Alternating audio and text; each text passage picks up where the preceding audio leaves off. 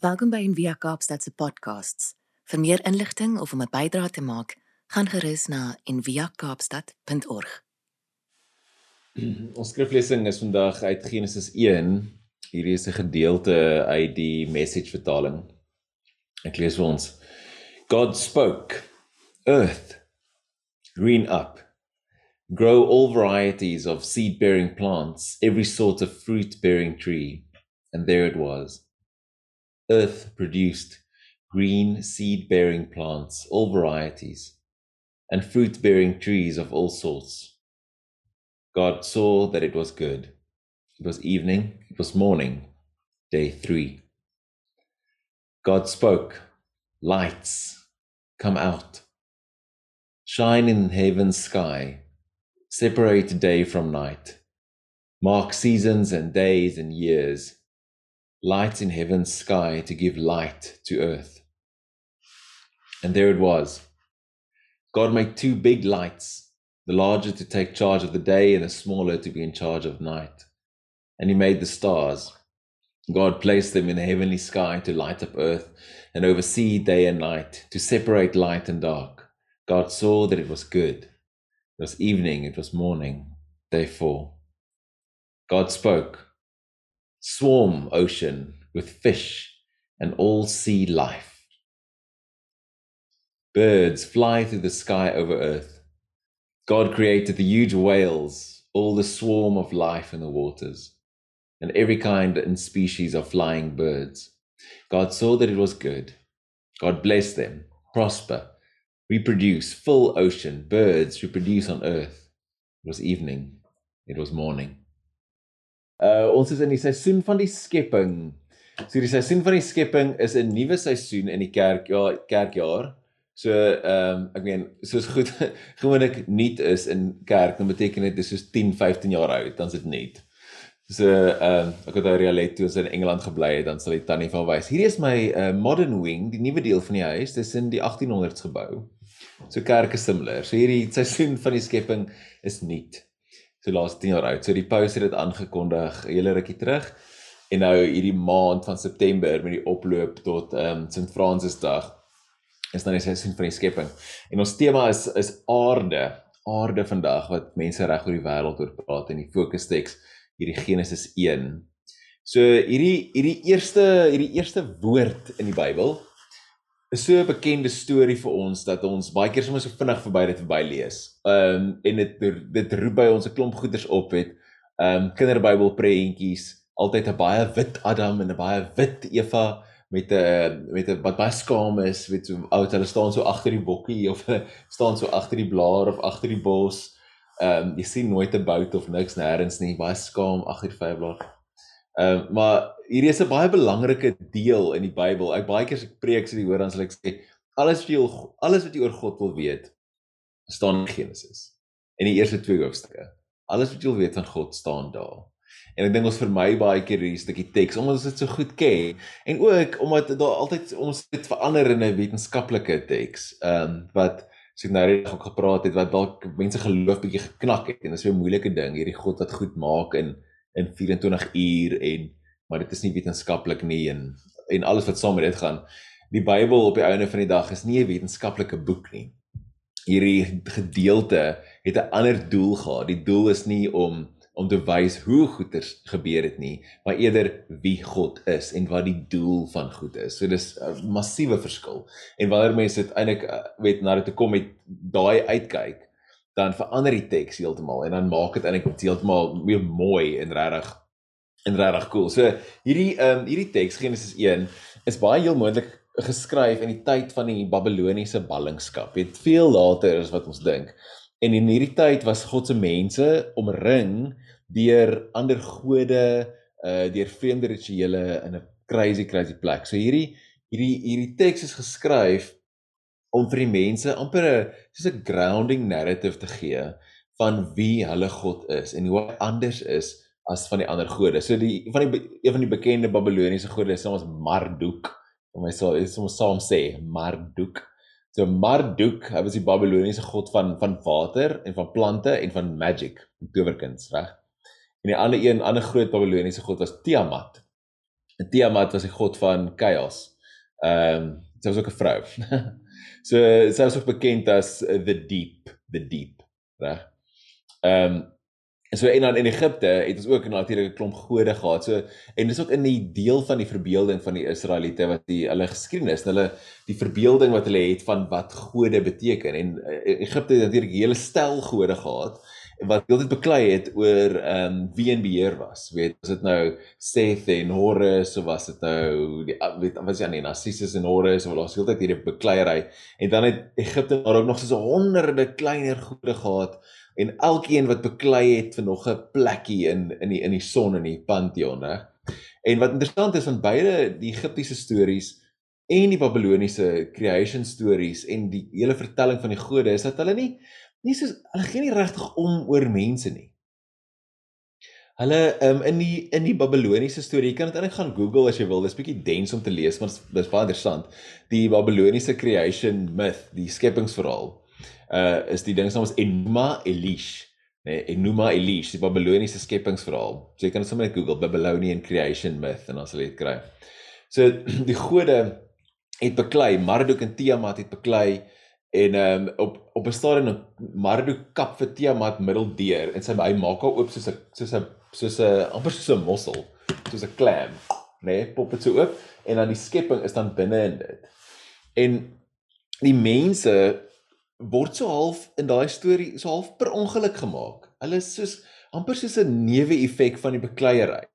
En dan is hulle ook daar kan om as slawe te dien vir die gode op 'n manier. En dan later in die Babiloniese stories dan raak die gode geïrriteerd met die mense. Nie omdat hulle sondig of enigiets dit nie. Hulle raak geïrriteerd met hulle want hulle raas, nê? Nee? Hulle is soos hulle raas te veel en die gode like dit nie. En dan begin hulle planne maak hoe gaan hulle ontslaa raak van al die mense wat so raas, nê? En dan op die meeste hierdie gode, hulle beklei die hele tyd. So hulle beklei met mekaar en hulle stry en hulle neem wraak op mekaar en gewoonlik as die mense in die middel van hierdie bekleierery en weet dit as elke keer as ek daai goed lees dan sit my soos die mense is soos 'n kind in 'n in 'n huwelik. Dis wat dit in die middel gevang word tussen 'n pa en 'n ma wat mekaar slaan en beklei nê.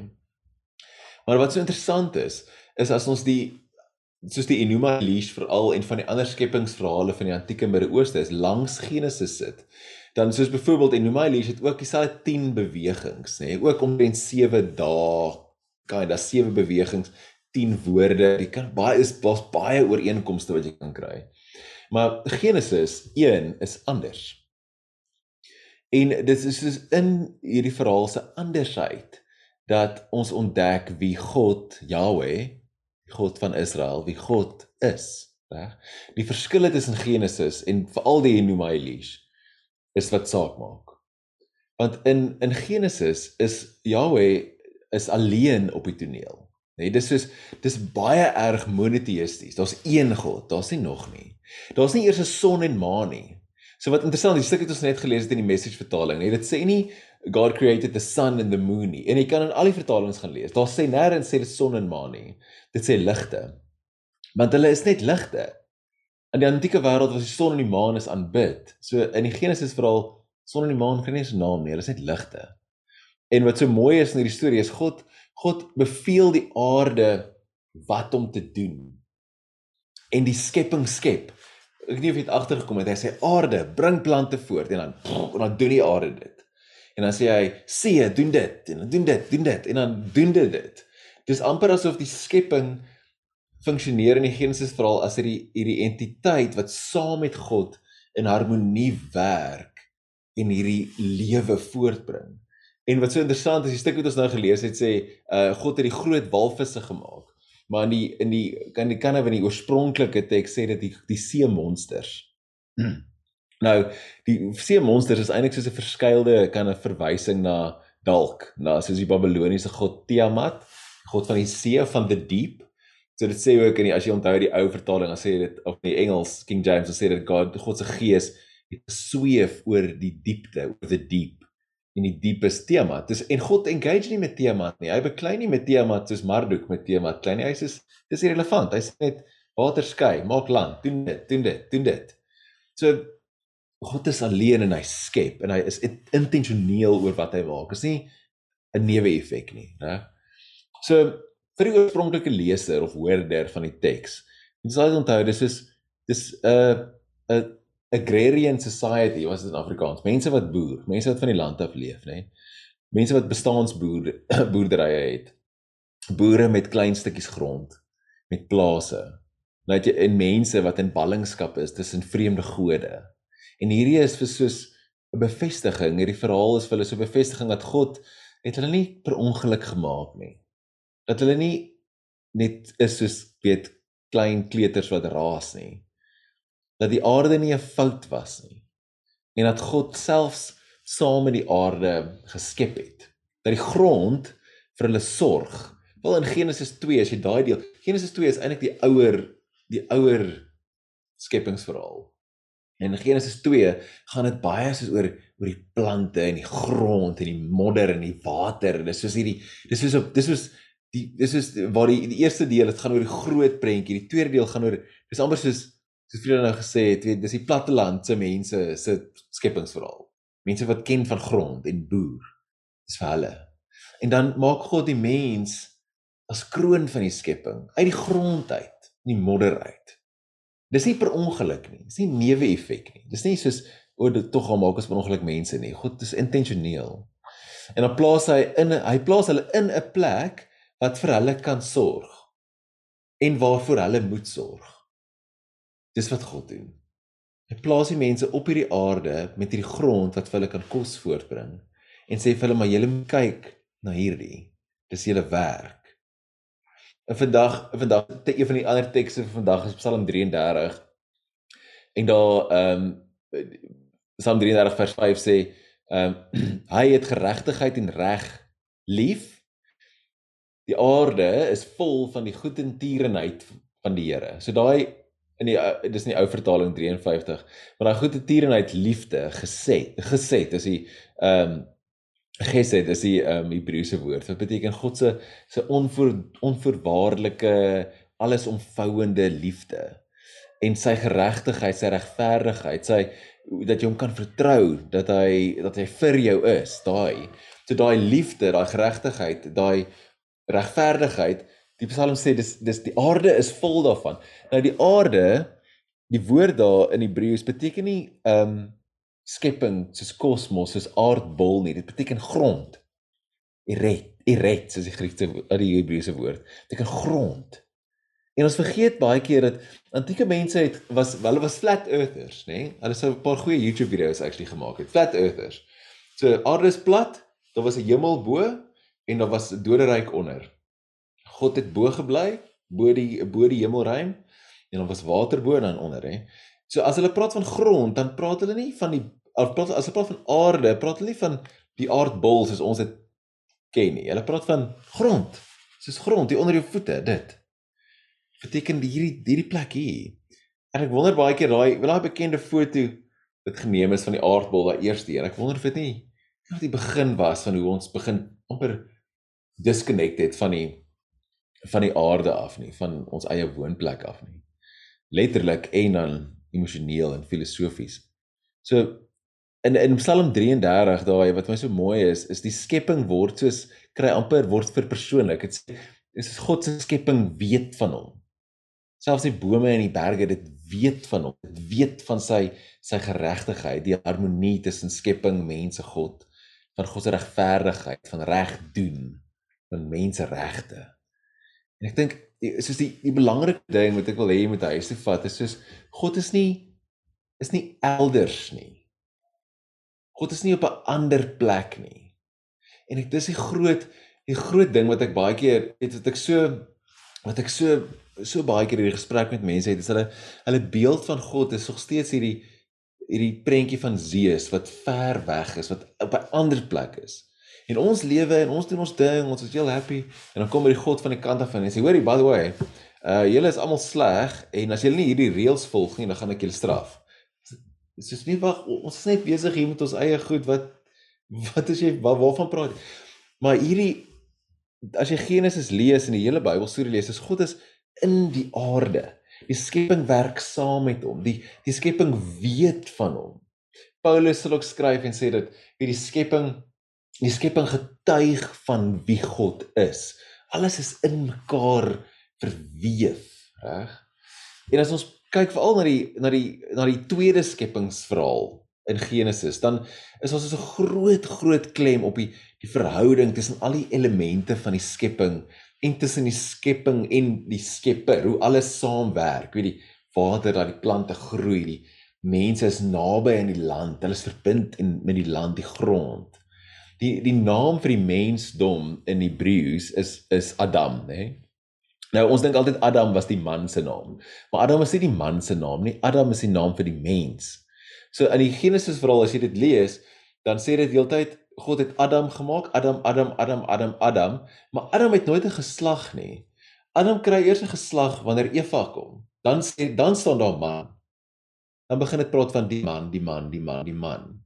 So Adam is hierdie geslaglose amper argetipe mens en die die die Hebreëse woord vir grond is Adama of Adamu wat so beteken kind of modder. Mense is wesens van die die goems van die grond en die waar ons die woord humility vandaan kry en ek die, die mense God God speel in die modder. Dit is my so mooi. God maak soos klei en dan en dan maak hy mense. En dan dieselfde grond waar die plante uit opkom Genesis 2, so die plante kom uit die grond uit wanneer die geaarde nat word. As jy hierdie prentjie van God, vriend vir my sê altyd hy sê die eerste prent wat ons het van God in die in die Bybel, Genesis 2, die ouer skepingsverhaal is 'n God wat modderkoekies bak wat speel in die modder en grond en iets bou en maak. Mense en plante word uit dieselfde goed gemaak. Reg, ons weet dit nou.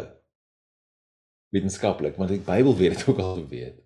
Dit is so mooi. Dan maar dan die mens, nie soos die plant nie, die mens word dan die bewaker, die beskermer, die die bewerker van die aarde.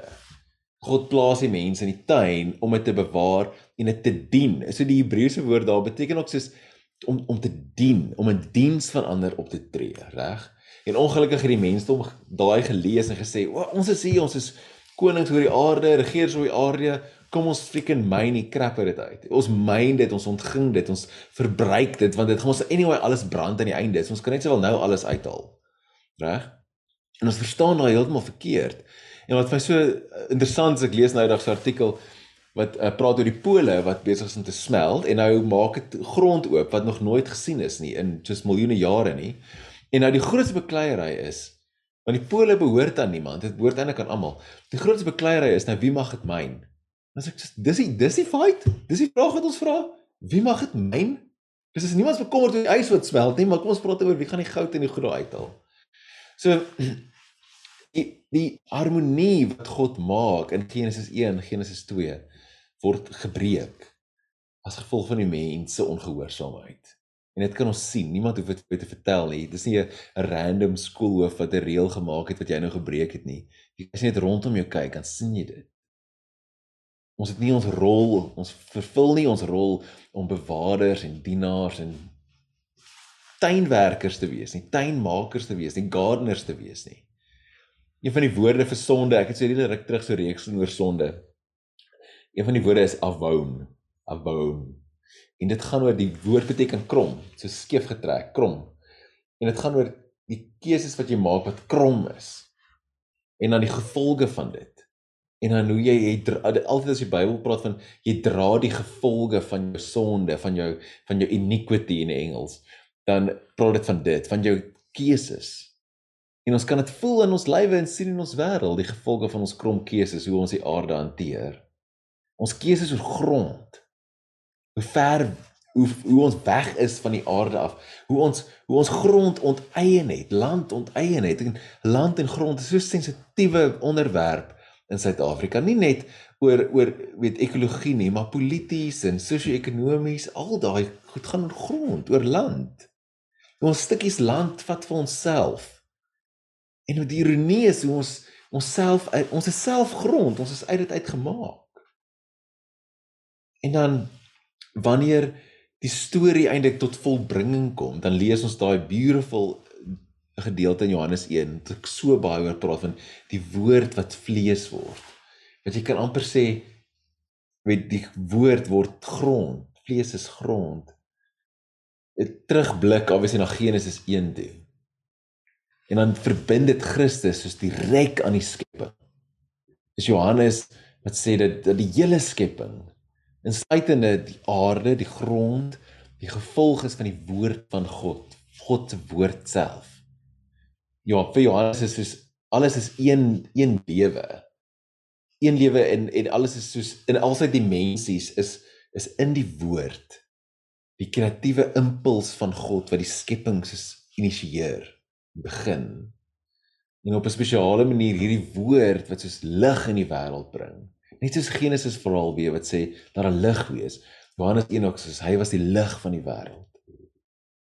Hierdie woord wat die skepping vooraf gaan word dan en dis die magic, dis die beauty wat ons vergeet heeltyd is hierdie woord wat die skepping vooraf gaan wat bestaan aan die heel begin word dan deel van die skepping vlees en bloed word eintlik net stof soos ek en jy, bi carbon, water en 'n paar ander goedjies. Hierdie God wat die aarde uit hierdie chaotiese water voortgebring het, uit aan dit geboorte gegee, word dan gebore uit die waters van 'n vrou. Skryf 'n teoloog. Is dit nie mooi nie? Aan die begin gee God geboorte aan die aarde uit die chaos uit die water en dan word Jesus gebore uit die waters van 'n vrou. God word deel van die aarde om die skepings van die aarde te red. Dis is die mooiste mooiste beeld. Die woning van God wat in hierdie stuk beskryf word Johannes 1, dis soos die die die taal van God se heerlikheid. Daai is dieselfde idee die in die tabernakel in die woestyn. God se heerlikheid, die teenwoordigheid van God word geopenbaar is en is teenwoordig dan in 'n mens. In 'n deel van die aarde, deel van die stof en die modder. Die woord, die goeie nuus is nie letters op 'n bladsy nie, dis 'n persoon is Jesus. En Jesus dra dan die gevolge van ons afwoon, ons krom keuses. Soos daai die dienaar in Jesaja wat die houe vat namens die ander. Reg? So Jesus is God in die skepping, vlees. En op die ouene dan hang die woord tussen hemel en aarde, gekruisig, uitgestrek. So die uitnodiging hier vir ons almal is om weer te besef ons is nie apart van die skepping nie apart van die grond nie. Na Jesus se werk het ons werk om om te doen. Wendell Berry Wendell Berry is 'n teoloog digter skrywer maar hy's 'n boer in Amerika en hy skryf die mooiste goed. En um, hy skryf oor boerdery dan skryf hy hy sê hy the soil is the great connector of our lives. The source and destination of all. Die begin en die einde van almal. It is the healer and the restorer and the resurrector by which disease passes into health, age into youth, death into life. Without proper care for it, we can have no community. Because without proper care for it, we can have no life.